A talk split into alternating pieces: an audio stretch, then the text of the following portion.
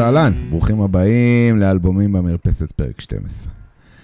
את הסיפור המרגש על המפגש של אמנט, גוסארד ומקרידי, אנשי סיאטל עם נער חולמני ומוכשר מאוד, עד מאוד, מסן דייגו בשם אדי ודר, עוד נספר בהמשך. אבל מהמפגש הזה, ועמוק מתוך הכאב המשותף שלהם, הם יצרו את אחד האלבומים החשובים בתולדות הרוק, וימצאו את עצמם מופיעים מול עשרות אלפי אנשים בהופעות ענק, הם יהיו פרל ג'ם. Ten הוא אחד מרגעי המפתח של שנות ה-90 במוזיקה, ואחד מסממניו של תחילת גל הגראנג' שיצא מסיאטל ושטף את העולם כולו. ובשביל Pearl Jam האלבום הזה הוא רק יריית הפתיחה של קריירה מפוארת ופעילה, ללהקה שתמשיך לרגש ולהקפיץ מעריצים בכל רחבי הגלובוס גם 30 שנה אחרי שהוא יצא. אז שימו סניקרס, כובע וחולצת פלנל משובצת, ותצטרפו אלינו בפרק הקרוב לטיול בסיאטל של ה Nineties, ובאחת השנים החשובות בגלגולו של הרוק, הלא היא 1991. איפה שלאט לאט נוצר אחד האלבומים החשובים ביותר של הגראנג' ושל הרוק בכלל, 10, אלבום הבכורה של Pearl Jam. לצורך זה, נמצא איתי פאנל סופר מכובד, כזה שלא רואים כל יום, כראוי לאלבום שכזה. מאנטבר, מה שלומך? אני מצוין, תודה רבה. מה שלומך? אני אש. שחר יפה, האיש והמרפסת, יורש את המרפסת, מה שלומך? בסדר גמור, מתרגש. אחד האלבומים האהובים עליי, אה, מסמלים בשבילי המון, וכרגיל, נשב, נדבר על מוזיקה, מה יכול להיות רע? ואיתנו גם אורח מיוחד בפרק, שכבר היה איתנו בפרק Parklife על Blur, הנה עשיתי את הקידום מכירות הידוע. Parklife. אה, חובב Seattle SuperSonics, השם ייקום דמם, ובעל תואר ראשון בגראנג' מאוניברסיטת סיאטל, הדר אמיר, מה שלומך? מעולה, אהבתי. את החולצת פלנל המשובצת שלבשת לצורך הפרק. גם ניסיתי להאריך שיער עד הפרק, אבל זה לא הצליח לי. אני גם ניסיתי, זה לא עבד, אבל זה אה, לא קשור. להתנדנד אה, כפי שאדי עשה, אבל אה, כן, זה יגיע בהמשך. בוא נתחיל ממוזיקה? בוא נתחיל, נשמע את once. once.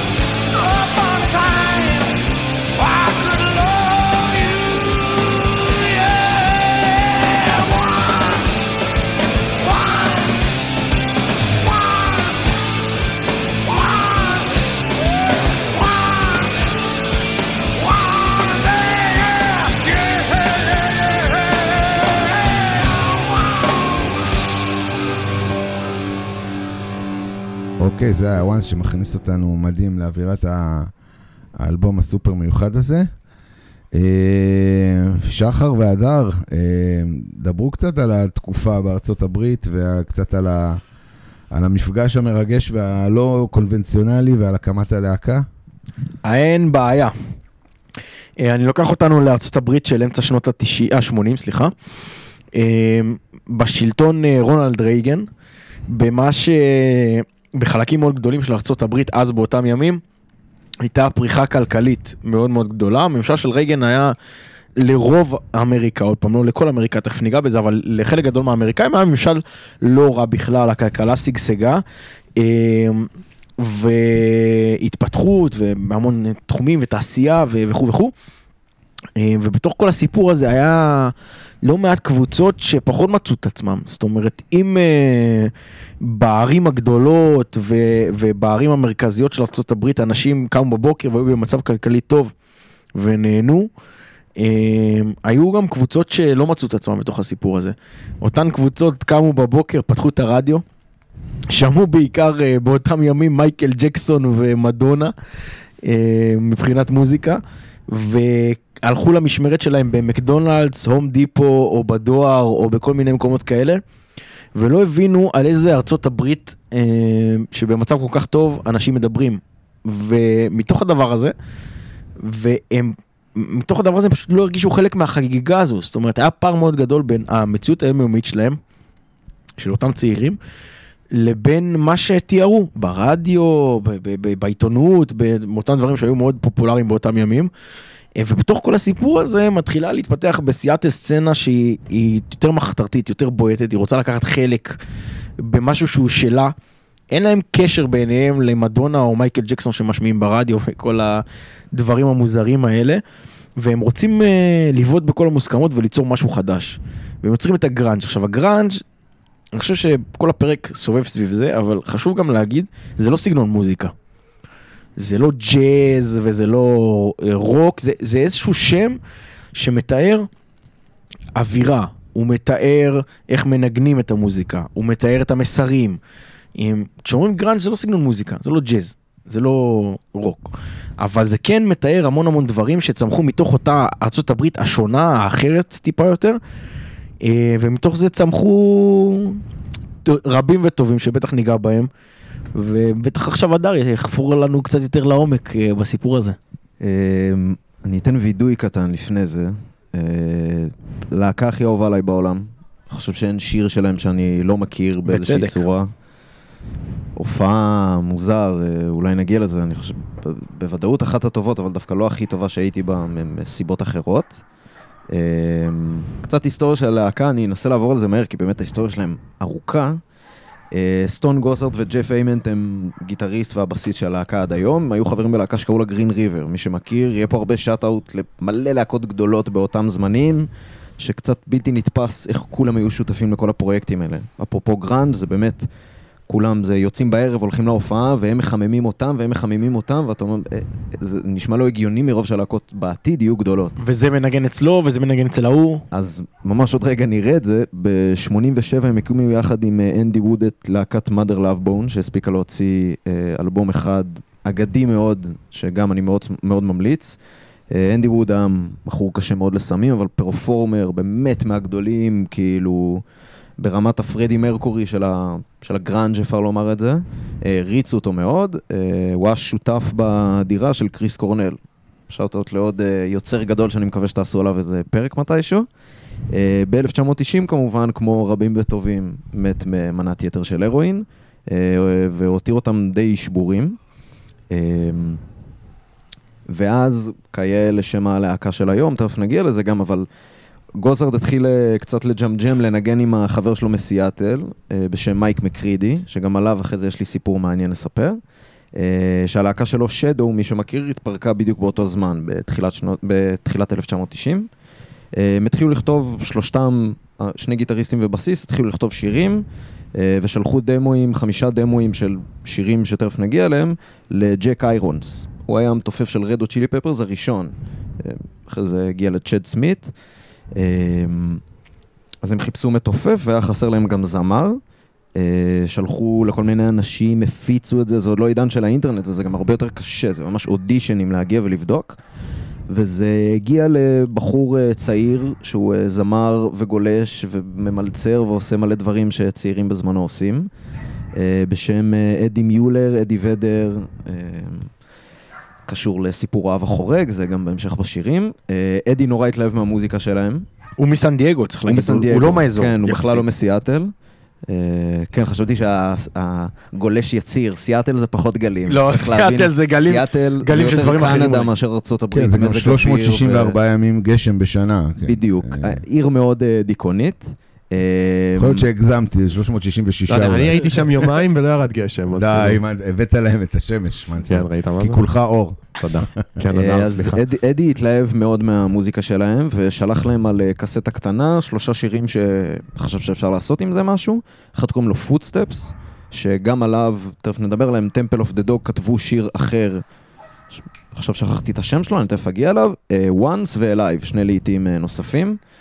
אה, הקול שלו מאוד הרשים אותם, כאילו, אדי יש לו משהו מאוד מאוד מיוחד, אני הרבה פעמים ראיתי סרטונים ביוטיוב שמנתחים את היכולות הווקאליות שלו, במיוחד ב Unplugged שהם עשו. אה, הוא טס אליהם לסיאטל, ויחד עם אה, דייב קרוזן, שהוא הפך להיות המתופף הראשון, להקה בסך הכל בריאה, שהיו לה איזה שבעה מתופפים בכל הקריירה, אה, Pearl Jam. כמה מעניין כמה מהם חיים היום, כאילו זה. כן, זה גם איזה סיפור, אה, שהם נכנסו להיכל התהילה, אז צחקו ואמרו, יפה שכל הקהל למעלה שיושב שם כמה מאות, זה כל מתופפי העבר של Pearl Jam.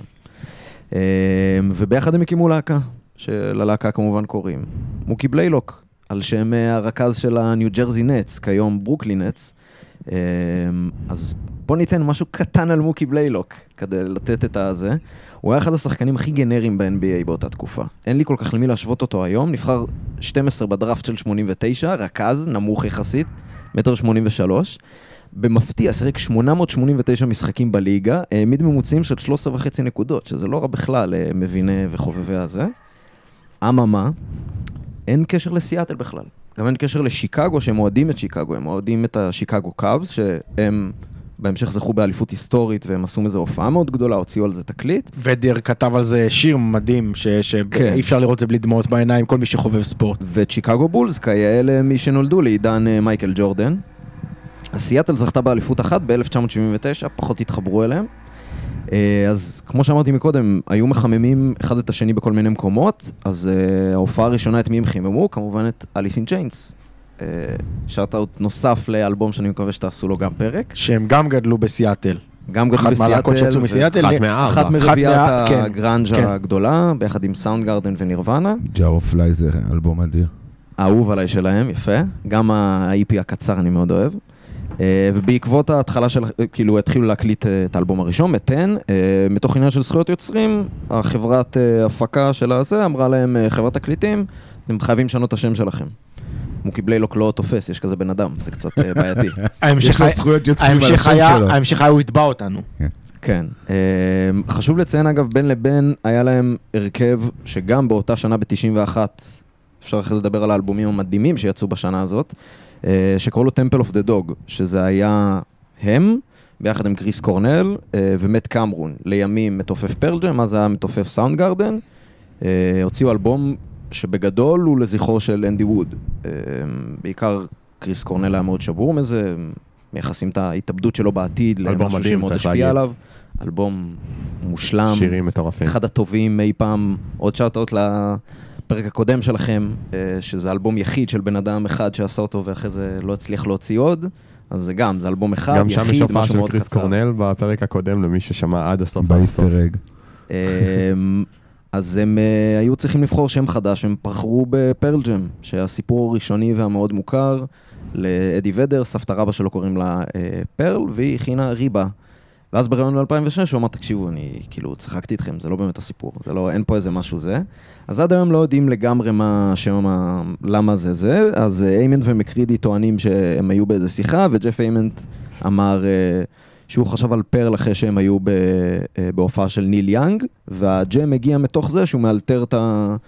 הרבה פעמים, אם תראו, גם מופיעים הרבה פעמים איתו ב-Rocking in the Free World, אחד השירים הגדולים שלו, הוא הרבה פעמים מארחים אותו, הוא מארח מאלתר. כן, מאלתר, כאילו יכול שיר של שלוש דקות לעשות 20 דקות, כי הוא פשוט מג'מג'ם וג'ם וג'ם, Pearl Jam. הופעת המוזיקה הכי טובה שאני ראיתי אגב, ניל יאנג, כאילו אני שם, אני שם את זה פה, כאילו זה...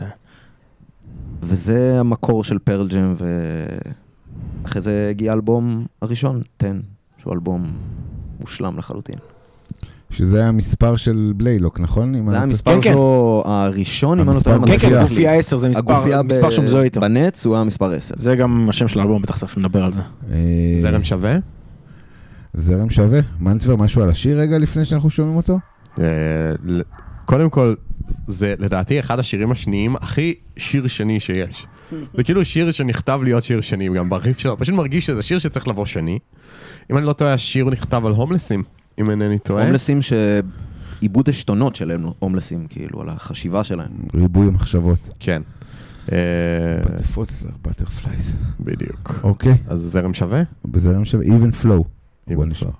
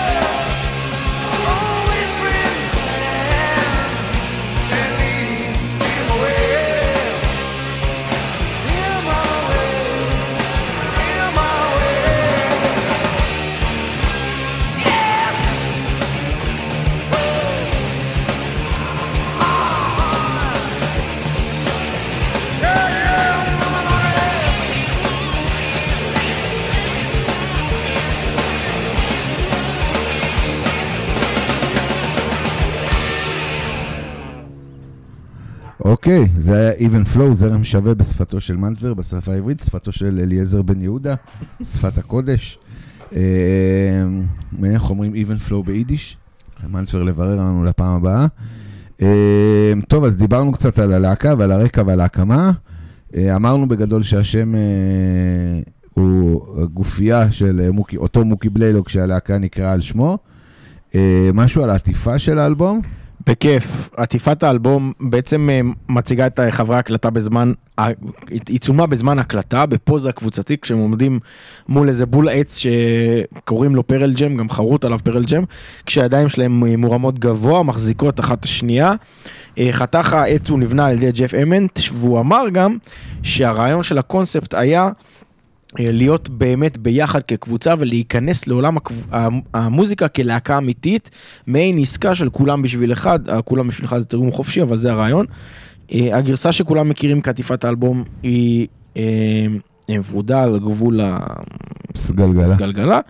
היא נועדה במקור להיות יותר בצבע בורדו, ותמונת הלהקה הייתה אמורה להיות יותר בשחור לבן, אבל זה עבר איזה שהם שינויים, כרגיל, על ידי חברת התקליטים.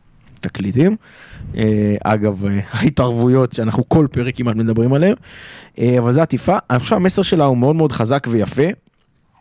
לא יודע לנתח כמה זה ליווה את הלהקה במשך השנים, משער שפלוס מינוס כן, כי לא שמענו על איזה סקנדלים יותר מדי שהיו בהם, אבל המסר הזה של נכנסנו לתוך החרא הזה שנקרא עולם המוזיקה ביחד, וזה כולם בשביל אחד פה, אני חושב שזה מסר יפה בסך הכל, כאילו שעומד מאחורי העטיפה של האלבום.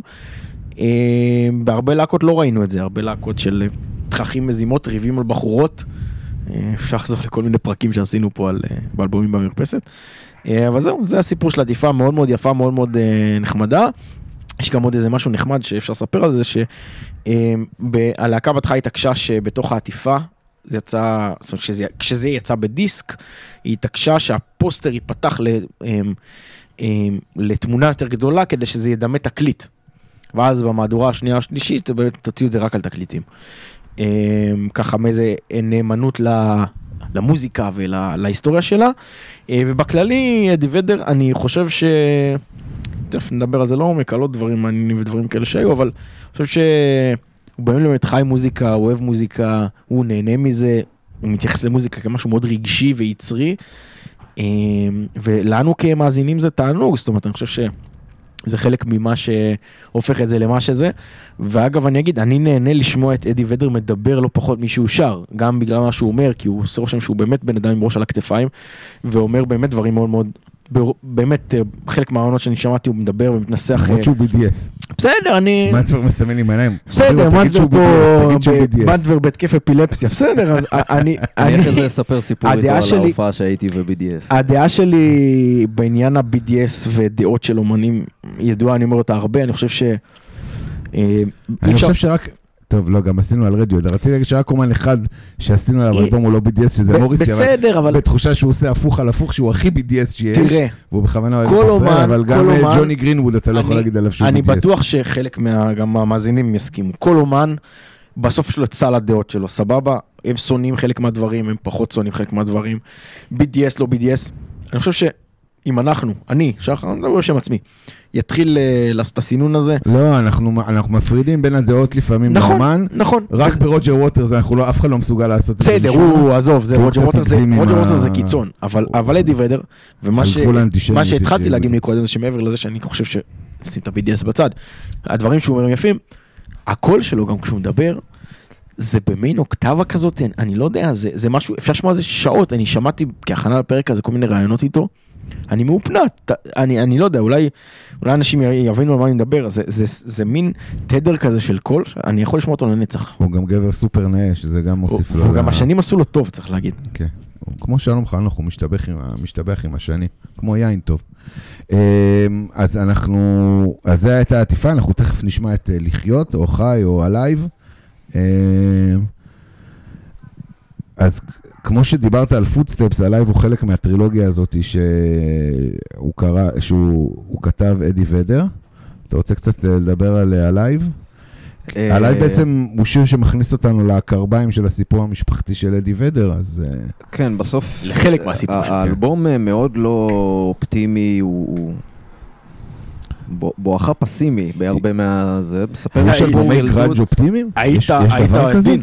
בהמשך Pearl Jam נהיים מאוד אופטימיים, אבל כי זה אדי ודר פשוט. אה, כן, אבל- בשנים האלה אין, זה לא קיים כל כך. אה, הנה עובדה, Temple of the Dog זה אלבום לזכר בן אדם, כאילו זה, אין דיכאונים מזה.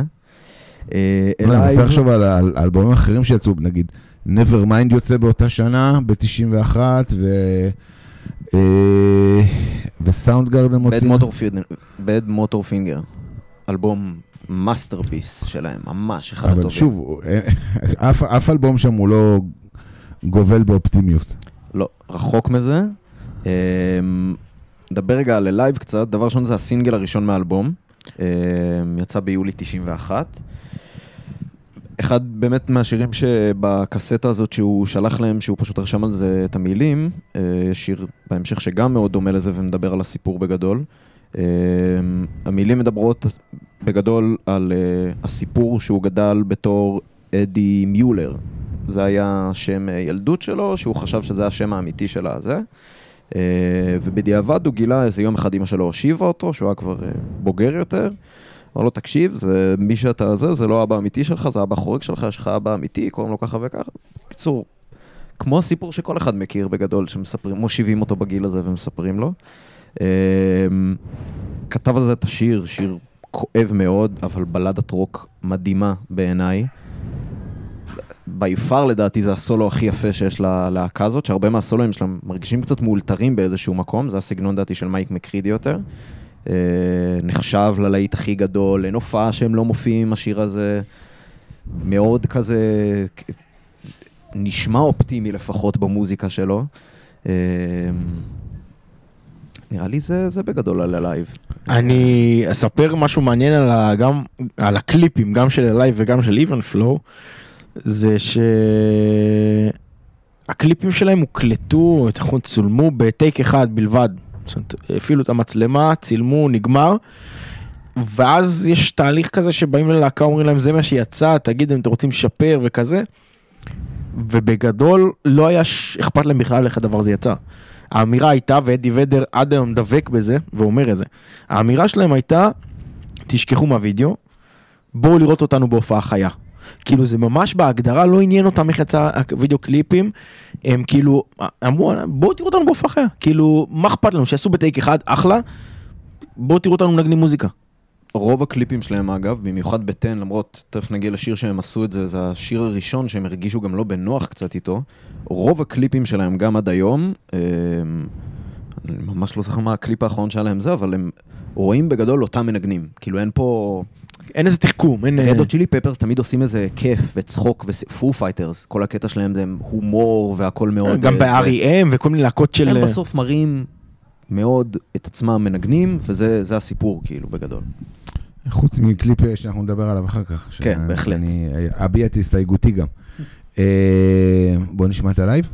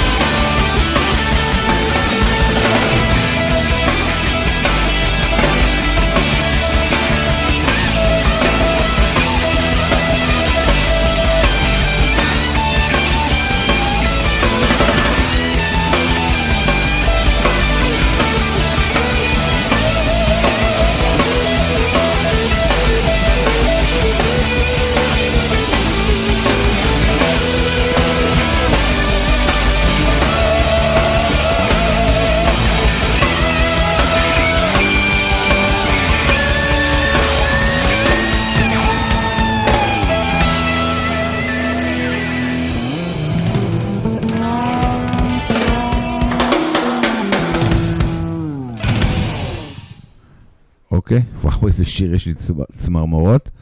אה, אז לפני שנתקדם לשיר הבא שאני אדבר עליו, הפעם אחרוג ממנהגי, אה, כבר קצת על ההקלטות של האלבום. כן, אז uh, צריך להגיד, הדרך שבה אדי ודר הצטרף ללהקה היא, היא כמו שהדר אמר, דרך ג'ק איירונס, המתופף של רד דוט צ'ילי פפרס באותה תקופה, הראשון, למען האמת, לא בהכרח באותה תקופה, אבל הם, הם, הוא קיבל קלטות עם אינסטרומנטלים שהיו אה, אה, בלהקה הקודמת, שבעצם, אה, שהם הקליטו כשלישייה. והיה שם, הם הקליטו אה, חמישה דמואים, Dollar Short, Agytian Crave, Footsteps, Richard's E ו- E Ballad, זה השמות של השירים, הם כולם היו אה, אה, טייפ שנקרא Stone Gossard Demos 91, 91. והם רק רצו, והם כולם היו אינסטרומנטליים בלי מילים. אמ, אדי ודר קיבל, אה, הוא עבר לו הטייפ הזה על ידי אה, אה, ג'ק איירונס, הוא הקשיב לאינסטרומנטלים האלה, חיבר להם מילים, והוא כתב מילים ל- Dollar Short, Agytian Crave ו- Footsteps. Dollar Short ו- Agytian Crave לאחר מכן נקראו Alive ו-Once בהתאמה. Footsteps נשאר, E Ballad בהמשך נקרא Black, שאנחנו נשמע אותו בהמשך. ובעצם ככה הם החליטו לצרף אותו ללהקה אחרי שהם שמעו את הטייפ בחזרה שהוא שלח להם עם ההקלטות שלו, ישר אמרו אוקיי, אנחנו חייבים להביא אותו, אה, טיסו אותו לסיאטל והתחילו להקליט אלבום. ישר אה, במרץ, אה, מרץ אה, 1991, אה, ההקלטות הלכו מאוד מאוד מהר בגלל שכל השירים כבר היו כתובים, רק היה פשוט צריך להקליט אותם. רובם גם הוקלטו בטייק אחד. כן, הכל היה שם. מאוד, הם הקליטו כמעט הכל בלייב, כלומר, היום בעיקר מקליטים track, כל track בנפרד, או מקסימום בתופים ביחד, ואז מוסיפים על זה גיטרה הרבה יותר בנפרד, כי ככה הרבה יותר קל לערוך את זה, אבל הם, בגלל שהם היו מאוד מהודקים, וגם רצו את הסאונד המאוד לייבי הזה ב- ב- באלבום, אז הם הקליטו כמעט את הכל בלייב, חוץ מאת ה vocals, חוץ מאת השירה של ודר. כל השאר הוקלט בלייב. אה, הם הקליטו את זה מאוד מהר, תוך פחות מחודש, שזה מאוד מאוד מהר לאלבום ב-90's. כאילו, כמובן יש סיפורים של הביטלס שהיו מקליטים אלבום בערך ב-12 שעות, אבל שוב, זה צורה אחרת ותקופה אחרת. אה, אחרי זה, מן הסתם, mixing, mastering, והאלבום יוצא ב-27 באוגוסט 1991. אז אה, לפני שנשמע את Black, Black, Black, אני גם אצטרך לדבר על Black קצת. אה, אז, אז אני אדבר קצת על, ה, על הזווית הדעתנית של Pearl Jam. Pearl Jam, אה, אמרת שתדבר בהמשך הדר, אבל Pearl Jam הם להקה, ובעיקר אדי ודר, אה, הוא איש מאוד דעתן. אה, וגם שזה אומר לצאת אל מול חברות התקליטים, או הדר יספר בטח אחר כך את הסיפור מול Ticketmaster, הסיפור המפורסם שלהם, שהם יצאו גם כנגד חברות הכרטיסים. הלהקה לא הסכימה ש- Black יצא בתור סינגל. אדי ודר אמר שזה שיר אישי מדי, הוא לא מוכן בשום פנים ואופן שזה יוצא סינגל, למרות שהוא שיר מדהים, שהוא צבר גם פופולריות בעקבות, בעקבות תופעות חיות בעיקר. ברמה שהוא התקשר לחברת תקליטים, והתקשר לכל אה, תחנות הרדיו הגדולות אה, באזור, כדי לוודא שהם לא קיבלו את, ה, אה, את הסינגל מחברת התקליטים. עד כדי כך היה לו חשוב שבלק לא יצא אה, בתור אה, סינגל. אה, למרות שלמרות שהוא לא יצא בתור סינגל, הוא זכה מקום שלישי בבילבורד האמריקאי אה, אה, באותה שנה, בגלל שהוא שיר...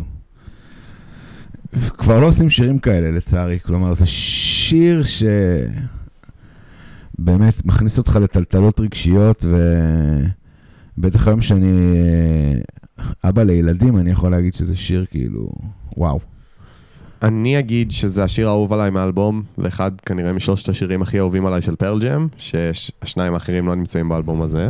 אמ, אחד מהם קשור לאלבום הזה, אנחנו גם ניגע בו קצת בהמשך, אבל הוא, אה, אבל הוא לא באלבום. אני חושב שזה אחד השירים הכי קורעי לב שיש. זה שיר שבאמת... אה, אני, באמת, אתה שומע אותו ואתה לא יכול להיות אדיש אליו, הטקסט כל כך, כאילו, וואו, הסוף שם שהוא uh, מגיע ל... Uh, I know someday you'll have a beautiful life, I know you're gonna be the sun in somebody else's sky, but why, why, why can't it be mine? זה um, אחת ה... אחד הסיומי שיר הכי חזקים, בעיקר עם הקול של ודר וה... והצורה שבה הוא מגיש את זה, אתה ממש מרגיש את הכאב בטקסט הזה. זה שיר שצריך להגיד על איזושהי אהבה לא ממומשת. אה, גם ודר אמר על זה, הוא אמר, השיר הזה, It's about first relationships, the song is about letting go. It's very rare for a relationship to withstand the earth's gravitational pull, where it's going to take people and how they're going to grow. I've heard it said that you can't really have one true love uh, unless it was unre- unrequited love. It's a harsh one because then your truest one is the one you can't have forever. Uh, משהו אחרון לפני שנשמע אותו באמת, אנחנו אחרי זה נדבר על אה, הופעות וזה, מי שהיה, מי שלא היה, פשע נגד האנושות.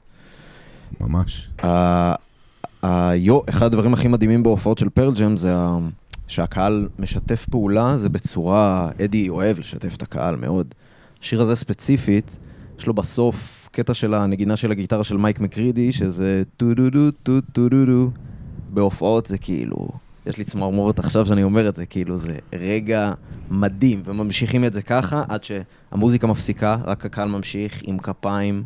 שיר של חמש ומשהו דקות דעתי, שנמשך איזה עשר דקות בהופעה, וזה צמרמורת לגמרי. יש לי חבר שהיה בהופעה, והוא מעריץ מאוד מאוד גדול של פרל ג'ם, והוא אמר, ההופעה הסתיימה, יצאתי, וגם אם הייתי מת באותו הרגע, או גם אם העולם היה כאילו נעצר או נחרב, לא, לא יודע מה היה קורה, אני שלי עשיתי, כאילו אני, לא אכפת לי כלום. אני סיימתי את ההופעה הזאתי, ויותר לא עניין כלום. כאילו זה, זה רמה כזאת שהבן אדם הגשים חלום, אבל רק הגשים חלום, זה גם היה מעל, ומעבר, כאילו אני, אנשים לפעמים רואים הופעות של הגיבורים שלהם וזה לא טוב, כאילו לפעמים הופעות יכולות להיות גם אה, דבר לא משהו.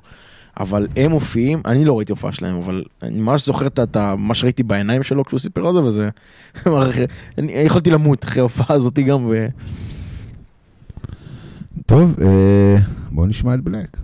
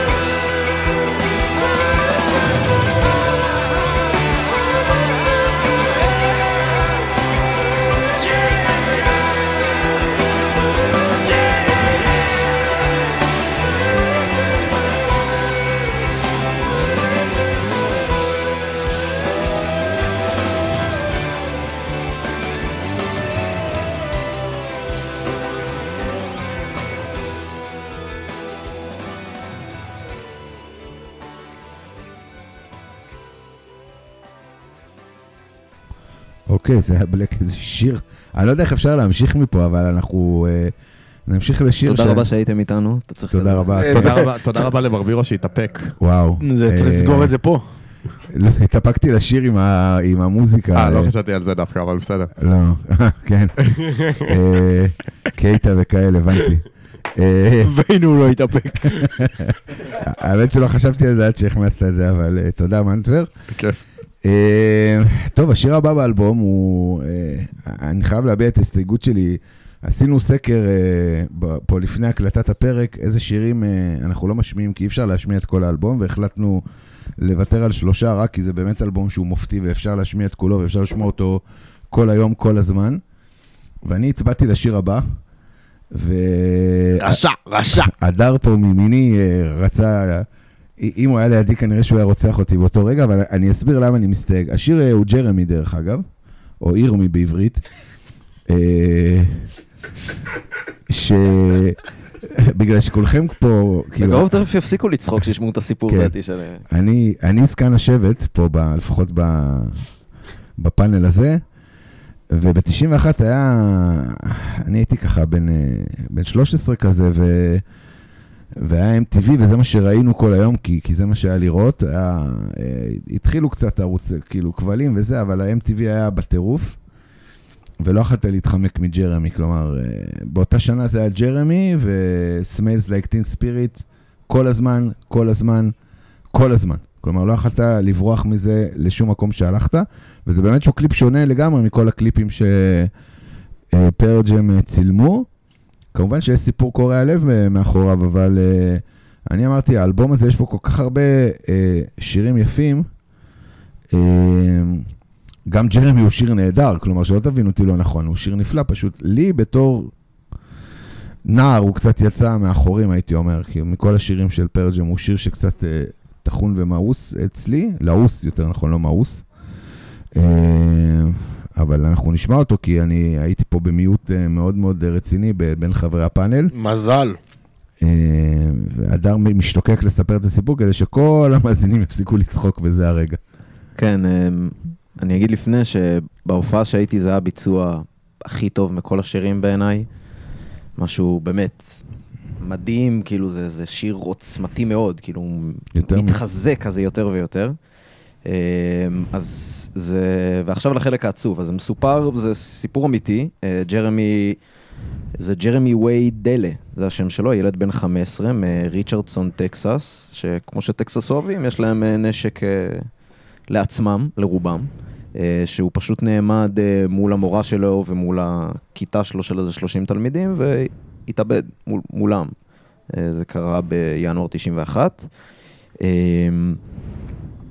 אחרי זה, בהמשך, אדי ודר סיפר על זה, כאילו, על, על אוקיי, זה הסיפור, אבל איך אתה לוקח ידיעה חדשותית וזה? אז הוא אמר, זה, זה היה כל הרעיון של ג'רמי, זה היה לקחת כותרת בעיתון, זה כמו שהיום אנחנו פותחים אה, N12, ואתה רואה איזה כותרת, תאונת דרכים בזה, בסוף מאחורי הכותרות האלה שמאוד נראה לנו טבעי ולגיטימי, ואפרופו נשק, הם מאוד נגד הקטע, כמו שהם, יש להם say מאוד חזק נגד החזקת נשק. אה, לא הצביעו לטראמפ, אני לא אשקר. והוא אמר, אני רוצה לקחת את הכותרת הזאת, את ה... ולהפוך את זה ל... כאילו בקטע אקטיביסטי אפילו, של לתת לזה איזושהי חשיבות כלשהי. אה, וזה בגדול הסיפור של ג'רמי, כאילו אמרת מקודם גם על הקליפ, זה הקליפ היחיד שלהם שהוא סוף סוף איזשהו אה, עלילתי באיזושהי צורה. כאילו רואים שם את ג'רמי, ושמדברים שם yellow lemon sun, כאילו רואים את כל הדימויים. אה, שיר מושלם, ואני מאוד שמח שאנחנו משמיעים אותו, ולא את אושנס. סליחה לאושנס. סליחה לי, כי אני מאוד אוהב את אושן. כן. אה, נשמע את ג'רמי או שיש לכם עוד משהו אה, לומר? נשמע, נשמע. בואו נשמע את ג'רמי.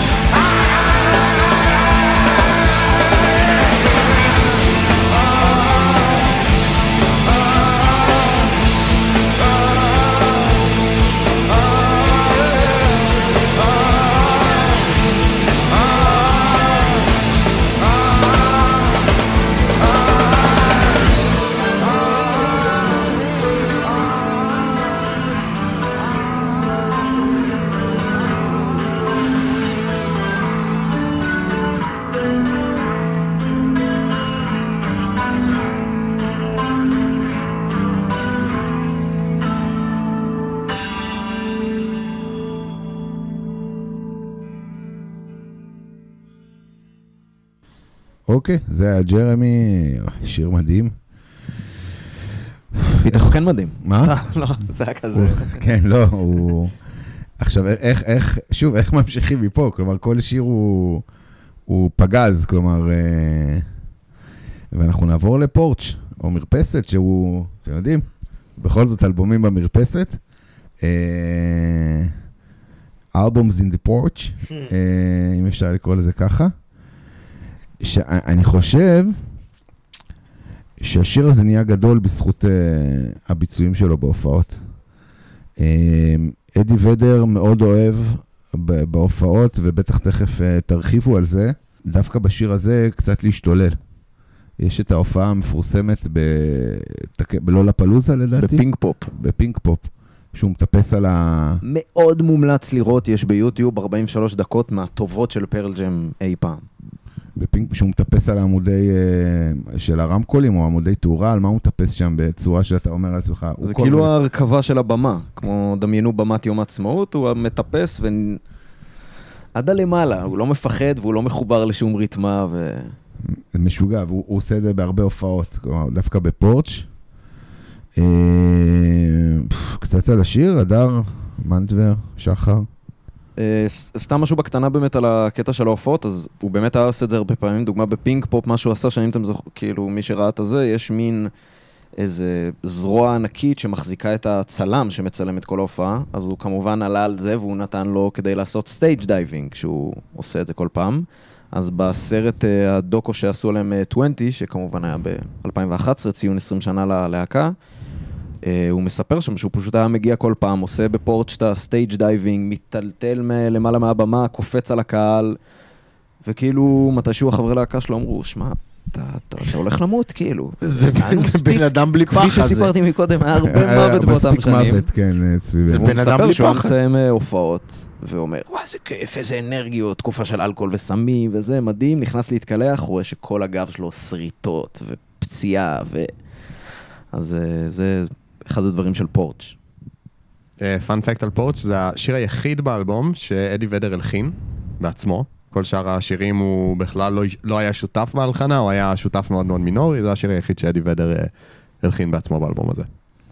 ועוד fun fact זה השיר היחיד באלבום שלא הוקלט בטייק אחד. כלומר, הם הקליטו את האלבום נורא מהר, דווקא את Porch לקח להם מלא מלא טייקים לעשות. אדי ודר אה, היה קצת, אה, עשה אקסל רוז, ושינה כל הזמן את, ה, אה, את השיר.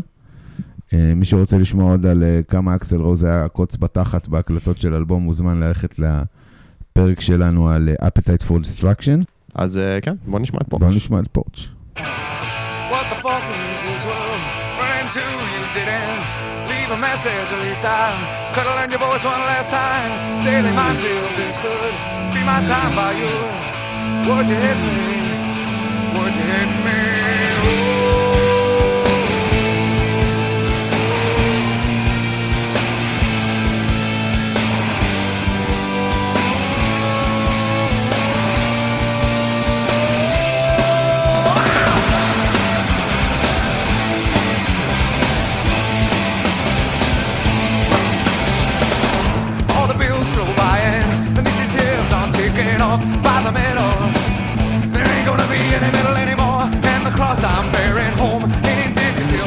place the boy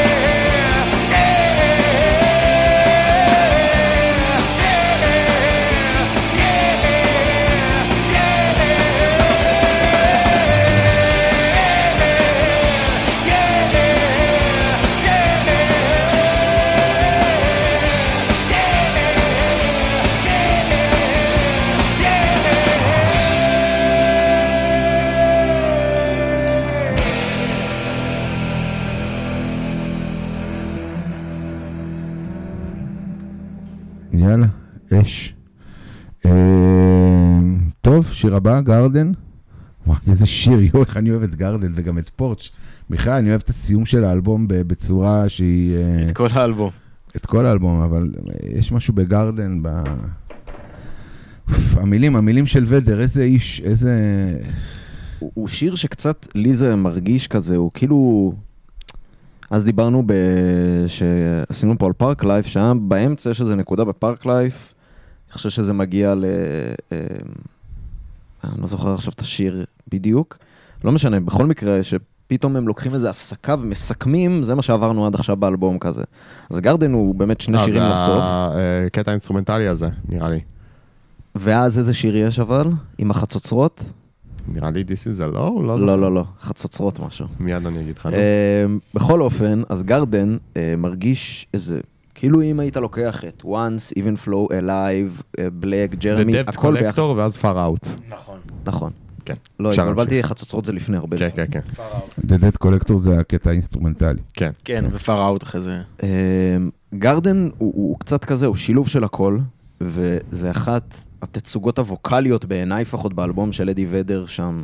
מדהים. משהו... כי יש לו, הבית, הוא כאילו ממלמל קצת המילים שלו, כזה נה נה נה נה נה, כזה כל הזמן ככה, ופתאום זה פורץ עם ה-I will walk, כאילו, שהוא מדבר שם בזה, וזה... או, שיר מדהים שהם לא עושים אותו מספיק בהופעות, לא עושים לא אותו בהופעה שלי. כן. אני חושב שגם לא בש... אני לא, אני לא זוכר את שלי, כי הייתה מזמן, אבל... כאילו, אני זוכר הרבה... זה היה בגרדן? זה היה במדיסון סקוויר. הוא היה גארדן. חייב לעשות את זה. אה, מתבקש. מתבקש, אני, אני לא זוכר, אבל אה, שיר מדהים. אה, נשמע אותו? יאללה. יאללה, גרדן.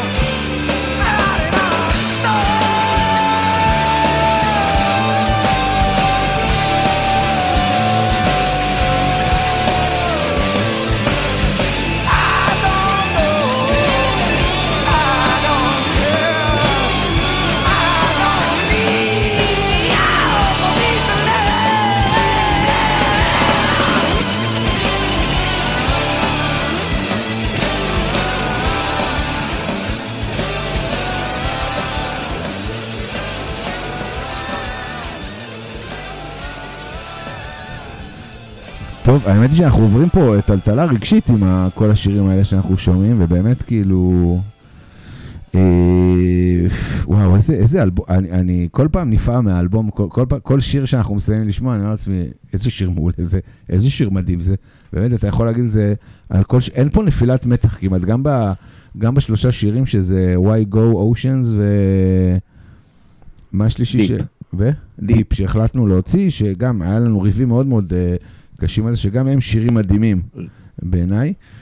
אבל בוא נסיים. רגע, בס- בוא, בוא נדבר שנייה, אני רוצה לנצל את זה בשביל לדבר קצת על ה outtakes. כי לאלבום הזה אה, הוקלטו המון המון שירים, היו לא מעט שירים לפרל ג'ם, ויש שירים שלא נכנסו לאלבום.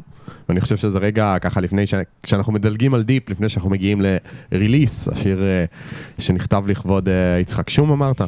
אז... אה, מוקדש ליצחק מוקדש שום. ליצחק שום ולמשפחת שום. שחרר, שחרר אז, אה, אותנו. אז אני רוצה שנדבר קצת על ה outtakes. אז אה, האלבום, יש לו לא מעט outtakes. בוא נתחיל עם Wash, שיר שלא נכנס לאלבום. איזה שיר. אלוהים. אה, אני חושב בגרסה האירופאית הוא הופיע. כן, הוא מופיע, הוא מופיע כ B-side של Alive, אמ, אבל, אה, וגם אה, הוא הופיע גם בסינגל של Jeremy, אמ, אז הוא, הוא לא הופיע באלבום. אה, שיר נוסף שלא נכנס זה גרסה אה, של, אה, כאילו שיר, גרסה של שיר שנקרא Alone, גם הוא לא נכנס לאלבום. ו... כן, נו, אתה יכול להגיד. היה כל- שיר עוד- מדהים, אין לי היה מה- אפשר לעשות עוד אלבום רק לא. הכניסו- כמו לא ה-Use הכניסו Your את אלון. Illusion של גאנז, שהוציאו לא, שניים. לא הכניסו את אלון בגלל שהיה להם מספיק שירים במיד טמפו, כלומר קצב בינוני, אז בגלל זה לא הכניסו אותו. שאגב, הדר הם יצאו גם ב-91. נכון, שניהם. אז, אה, אז שניהם. אה, דרטי, עוד שיר נוסף שלא נכנס זה דרטי פרנק, שהוא גם, אה, הוא הופיע על, אה, כ B-side אה, של Even Flow, וה out אה, כנראה הכי מפורסם של 10, וכנראה אחד הבי-סיידים הכי מפורסמים בהיסטוריה, ואישית השיר האהוב עליי של פרל ג'ם, Yellow Ledbetter, שהוא אה, אה, מבוצע ב- מבוצע בהופעות. סג, סגיר ההופעות הכמעט קבוע של פרל ג'ם, באמת אחד השירים, זה השיר הכי אהוב עליי של פרל ג'ם. שלא עושים את Baba O'Riley. וואו, אני כל כך אוהב את השיר הזה.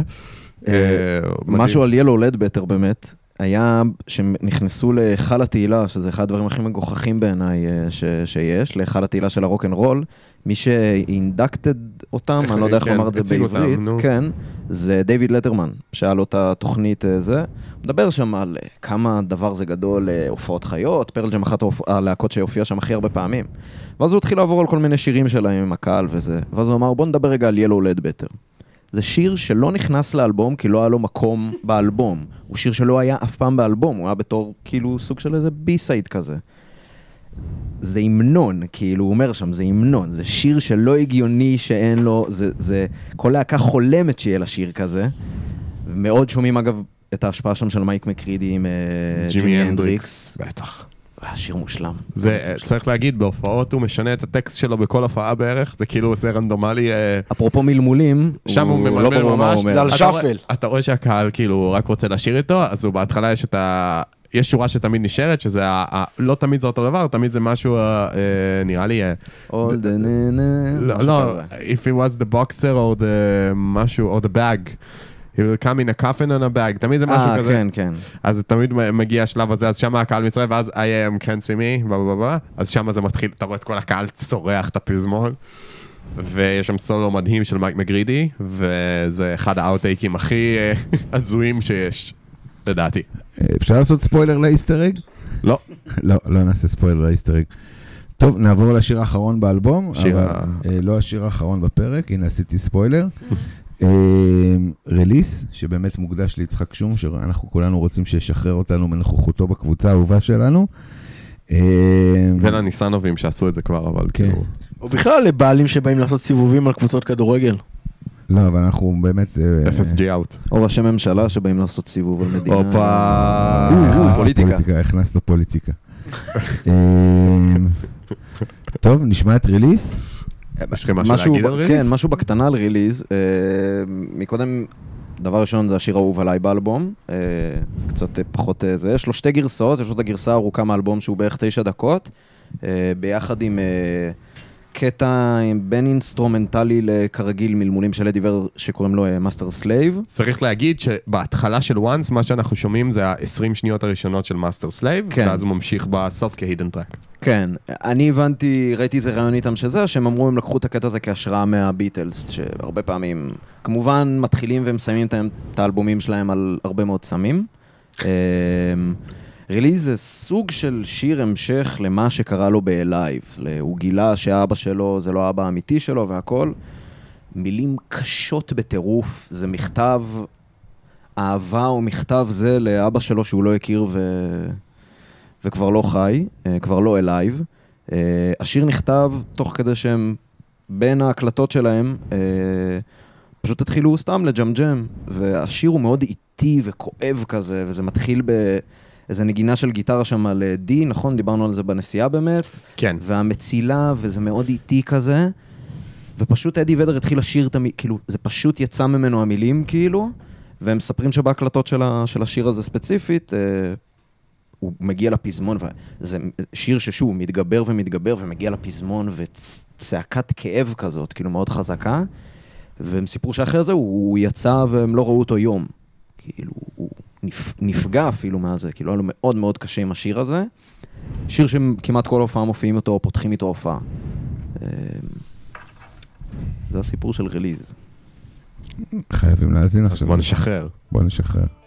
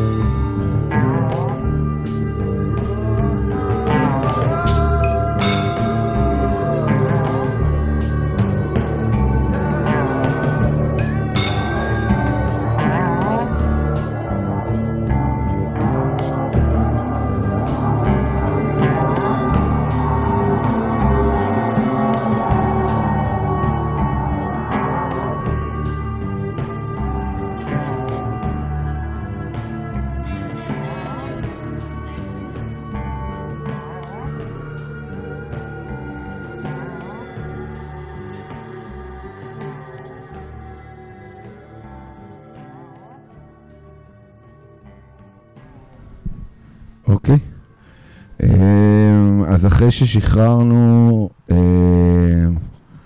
בואו נדבר קצת על, בסוף על מה זה פרג'ם בשבילכם, בסדר? אה, מנטבר, בתור אה, צעיר ה... כאילו... אז אה, אני אגיד... רגע, כשיצא 20 אתה היית, היית חי? כאילו? מה, מתי? ב-2011. הייתי חי. סתם, סתם, אני צוחק. אל תגזים. אה, אז אני אגיד ככה, פרלג'ם, אה, הכרתי אותם, אה, באמת התחלתי להקשיב להם, זה היה בערך כיתה י' או ט', ואז באמת שמעתי את אה, Ten הרבה פעמים. אה, אני אגיד ברגע של כנות, פרל ג'ם להקה שאני מאוד אוהב, וזה ה disclaimer שאני צריך להגיד קודם כל, מאוד אוהב, אבל את השלוש האחרות של הגראנג' אני אוהב יותר. כלומר, מבין הארבע הגדולות היא לכאורה הפחות אהובה עליי, לא שאני, שוב, לא שאני לא אוהב אותה, פשוט את השלוש האחרות אני אוהב קצת יותר. אה, נירוונה, סאונד גארדן ואליס בסדר הזה. אה, אבל היא להקה מדהימה, ו Alive זה אחד הסולוי גיטרה הכי אהובים עליי. בלק זה לדעתי אה, פאר של כתיבת אה, שירים. ילו לד בטר, שוב, זה, זה, אני יכול, כשאני בבית, אני מרים את הגיטרה שלי, לפעמים אני, הדבר הראשון שאני אתחיל לנגן זה את ההתחלה של ילו לד בטר, ופשוט במקום לנגן את זה בשתי פרזות כמו בשיר, אני פשוט מנגן את, ה, את, ה, את הפרזה של ההתחלה איזה חמש דקות, ואז, אה, ואז אני אעבור לנגן את הסולו, ואז אני אחזור לנגן את הפרזה של ההתחלה עוד אה, עשר דקות. אמ, להקה סופר מדהימה, אה, אדי ודר, גם אה, מי שלא מכיר את הסאונדטרק שלו לסרט מדהים שנקרא Into the Wild, אני מאוד מאוד ממליץ, זה אלבום סולו שהוא הוציא, אה, מקסים. זהו, יש לי רק מילים טובות להגיד על פרג'ם. שחר? זרקת פה כדרך אגב את uh, Into the Wild, אבל uh, זה אמנם לא 10, אבל אדי ודר, בפסקול שלו של Into the Wild, עשה משהו שגרם לי להתאהב מחדש בהמון דברים um, שאולי נראים מובנים מאליהם. את uh, Into the Wild ליווה אותי בסוף התיכון. Uh, אני זוכר את עצמי לילה לפני הבגרות בהיסטוריה. במקום אה, ללמוד וללכת לישון כמו שצריך, אני רואה the wild עד שתיים או שתיים וחצי בלילה. אה, הבגרות הלכה בסדר, אבל אה, זה, זה באמת היה משהו... ספוילר, שרפת את כל הכסף. אה, כן, כן. אבל זה היה דווקא טוב לפני הבגרות בהיסטוריה. אמ, ותן, אמ, סיפרתי באחד הפרקים אה, שהקלטנו, לא זוכר כבר, אולי על ארי אם, ש... שירדנו לאילת שם ב... בסוף כיתה ט' ו... ובחנות תקליטים בילינו במקום אה, אה, לבלות עם הקבוצת בנות מהקייטנת גלישה מאחד הקיבוצים באזור המרכז. סיפרתי על זה, אבל שם פגשתי את טן פעם ראשונה, ואחר כך פגשתי את טן פעם שנייה כשבצבא הייתי חייל בצוק איתן, ובצבא, באזור של צוק איתן, אחרי לפני, אה, זו תקופה שלא הרבה מבינים אותך, כאילו אתה כזה, בצבא תמיד אתה מרגיש ראש קטן ותמיד אתה מרגיש שאתה יכול לעשות יותר ומתסכל, וכשנכנס לך מבצע צבאי על הראש אתה גם אה, לוחם בו, אז בכלל זה חוויה מפוקפקת והייתה לנו משק, אה, מש"קית חינוך בבסיס, קראו לה דנה, קוראים, עדיין קוראים לה דנה. אה, והיא הייתה פריקית של מוזיקה כמוני והייתי מוצא את עצמי שעות הייתי מפקד בקורס נעלם הולך שו- מכניסים את טן לתוך הטייפ כזה רדיו קטן רדיו דיסק כזה ושמים את טן ומקשיבים ומדברים על השירים ואז בלק וג'רמי ו... וזה היה בשבילי בתקופה מאוד מאוד אה, אה, רגשית אה, בצבא אחרי הדבר הזה ו... ו... אמ, זה מופת של מוזיקה. אני שומע את השירים האלה, יש לי צמרמורת, זה אין פה, אין, אין איך להציג את זה, זה, זה מעבר לאיכויות המוזיקליות של הסיפור הזה. אה, לי יש גם חיבור מאוד רגשי לדבר הזה, בגלל התקופות שזה פגש אותי בחיים שלי. אמ, וכמו שאמרתי, אני, אדי ודר, מה שהוא נוגע בו זה זהב, והשיר שהוא כתב לקבוצה שלו, שזכתה באליפות אחרי, לא יודע מה, 100 שנה, זה כאילו מי מאיתנו לא, לא חווה את זה ולא היה רוצה לכתוב שיר כזה לקבוצה שלו שזוכה באליפות, וכל פעם שהוא מנגן את זה הוא בוכה, וחיבור כזה בין שני עולמות שמשיקים כל כך כמו המוזיקה והספורט והכדורגל. אה, וזהו, וכמו שאני אומר בכל פרק, שרק ימשיכו לעשות מוזיקה. אלדר? מה שאמרתי מההתחלה, שהלהקה הובאה אליי הכי, כאילו אי פעם, אני, אני לא יודע אם אני אחזור לפה עוד פעם לדבר על אלבום כלשהו אם תערכו אותי, כי אני לא יודע איך אני יכול להיות יותר גבוה מזה מבחינתי. קודם כל נארח אותך בשמחה, אבל זה באמת אחד האלבומים. על האלבום השני אפשר, על אפשר. ורסס. סתם, הוא גם מעולה פשוט. אין, זה, זה, האלבום הזה, הלהקה הזאת, זה שינה לי משהו, אני, אני קצת דומה למנטבר, קצת לפני התיכון התחלתי רק לשמוע את פרלג'ם ממש כזה, כאילו הכרתי את אליי והכרתי את בלק, אבל זה היה כזה בתור איזה משהו. הייתי גרופי שלהם בתיכון ברמה שהיה פרויקט של ה-Bring Pearl Jam to Israel, אם אתם, מישהו במקרה זוכר. וואי, אני זוכר את זה. אני עשיתי איזה שלט, אה, ת- כתובת אש כזאת לזה, לא. והייתי מעורב בדברים, וכאילו, כן, לא עזר, ואז היה צוק איתן, אז פחות אה, סייע לנו. אה, גם בלי צוק איתן הם. לא היו באים לדעתי. כן, כנראה הם לא היו באים. אבל אני הגעתי אליהם בפסטיבל בבלגיה ב-2018, ואני שמח... וכטר? כן. ואני שמח על כל רגע שהייתי שם, ואני מרגיש שאני חייב לעצמי עוד הופעה רק שלהם. כי הופעה רק שלהם, מי שהיה ומי שמכיר, הם, הם לא מופיעים שעה והם לא מופיעים שעתיים, הם מופיעים שלוש וחצי שעות. אני הייתי בהופעה של והם ייתנו שלוש לך שעות. סט ליסט כל ערב אחר, כי אם יפתחו עם רליז, אז יום אחרי זה מדהים, זה יהיה עם מדהים. סמול טאון, ויום אחרי זה זה יהיה עם בלק. ואפרופו תן, הם הופיעו, הופיעו פעם אחת עם האלבום כולו, כתחילת הופעה, שזה חתיכת פצצה לפרצוף, ב-2016. לא היה איזה חגיגות משהו לאלבום או משהו כזה, פשוט החליטו, הם עשו את זה גם, אם אני לא טועה, עם, אה, עם אלבום שקוראים לו No Code, לדעתי ב-2016 גם, שיחקו עם זה קצת. אני אסכם את זה, זה להקה שמלווה אותי ברגעים טובים, ברגעים קשים, שעצוב לי, ששמח לי, כל שיר יכול להעלות את המצב רוח, להוריד את המצב רוח ולעשות לי... זה הדבר הכי טוב בעולם מבחינתי, עד כדי כך. אין ספק. ובהופעה, סיפור אחרון, תפסתי את המפרט של מייק מקרידי שהוא די. אה, זרק שם. ניסיתי לתפוס את מי שזה, בסוף הם ניגנו את בבא אוריילי של דהו, גם אלבום שמעולה.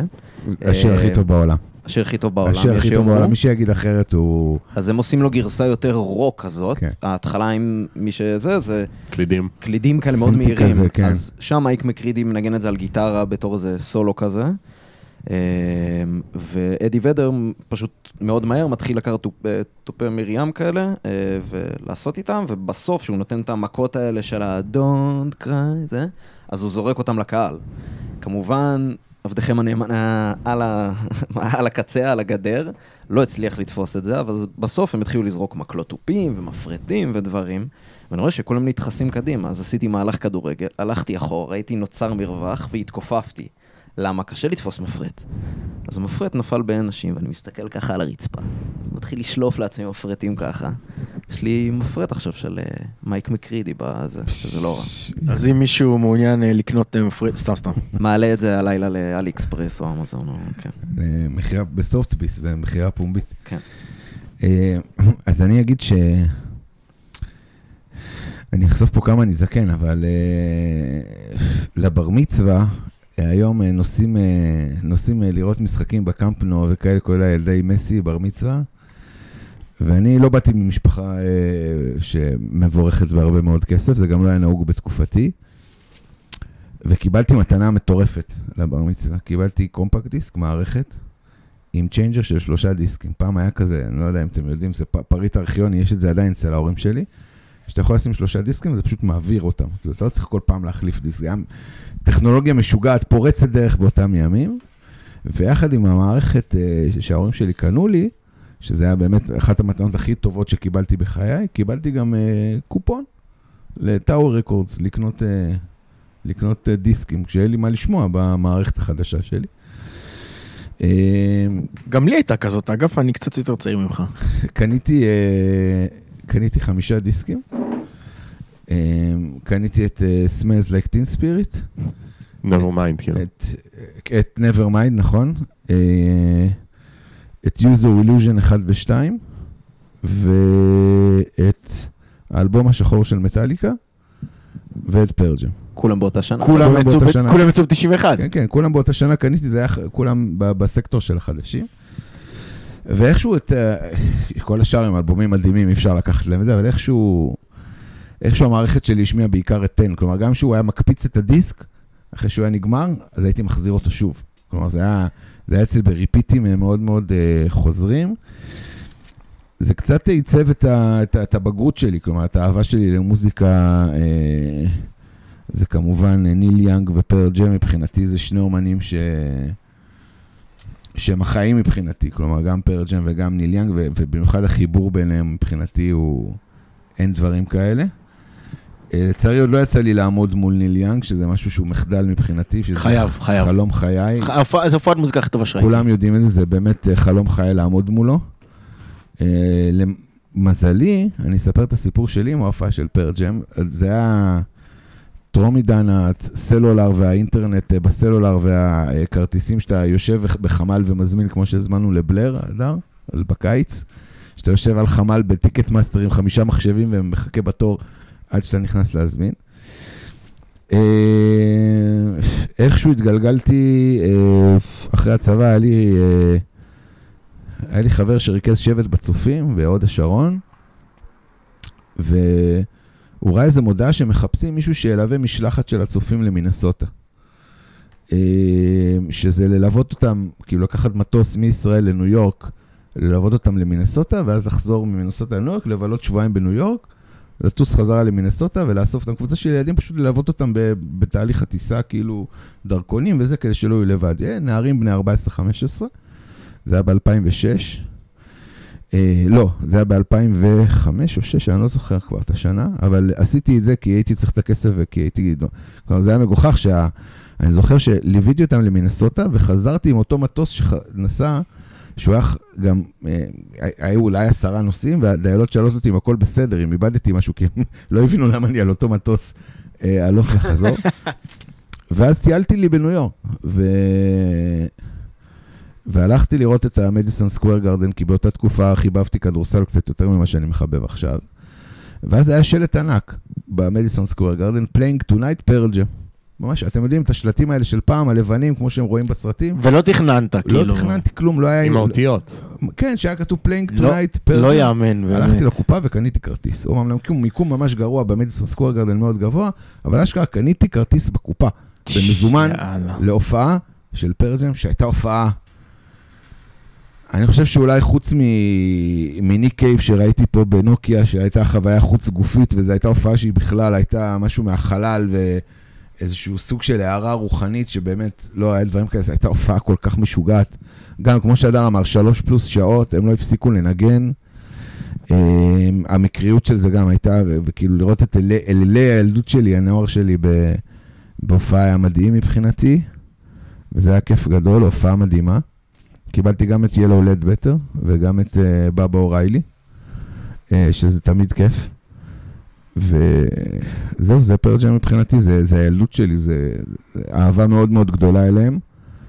Uh, אני מודה שקצת התרחקתי מהם באלבומים האחרונים, אני הייתי גרופי מטורף עד uh, יילד, נראה לי. הרוב. עד יילד אני חושב שהייתי גרופי מטורף, כלומר איך שהדיסק יצא הוא היה אצלי יום למחרת או באותו יום אפילו. אני זוכר שהלכתי מכות בצליל פה בכפר סבא על, על וייטלוג'י, כלומר אה, להשיג את העותק מהקרטון, אני לא יודע אם אתם... דיסק מקרטון, אתם, אתה יודע על מה אני מדבר? יצא בגרסה מיוחדת כזאת בקרטון וייטלוג'י, והלכתי מכות כדי להשיג אותו. עכשיו, מי שמכיר אותי יודע שאני לא בחור קטן, מעולם לא הייתי בחור קטן, אז היה לי יתרון. אה, הייתי גרופי מטורף, ואחרי יילד זה קצת ירד לי, כלומר, החומרים החדשים שלהם, אני פחות אה, מאזין הדוק. וזה אל, אלבום אדיר, תקשיבו לו, תקשיבו לו ותקשיבו לו אלף ואלפיים ושלושת אלפים ועשרים אלף פעם. וזהו, מבחינתי. כן, יצא לו אגב, אה, עשו לו איזה remastered כזה, הם קוראים לו אה, 10 Redux ב... איך שזה, ב-2009 לדעתי הם עשו את זה. אה, ברנדן אובריין, שזה מי שהיה המפיק של כל הזה, עשה לזה מיקסים מחדש. אני פחות מתחבר, אגב, לאיך שזה נשמע, זה נשמע מאוד שונה. אה, מוסיפים שם גם את Brother, את Breath, את אה, State of Love and Trust, גם אחד הלהיטים שלהם, שהם גם היו חלק מההקלטות ולא נכנסו לאלבום. אה, אם מישהו רוצה לשמוע, זה גם אה, חלק מזה. גרסת זהב כזאת, האלבום. משהו לסיכום? שחר? אני חושב תודה רבה, יפה. ברבירו. תודה לכם. ועד הפעם הבאה, נו בראש.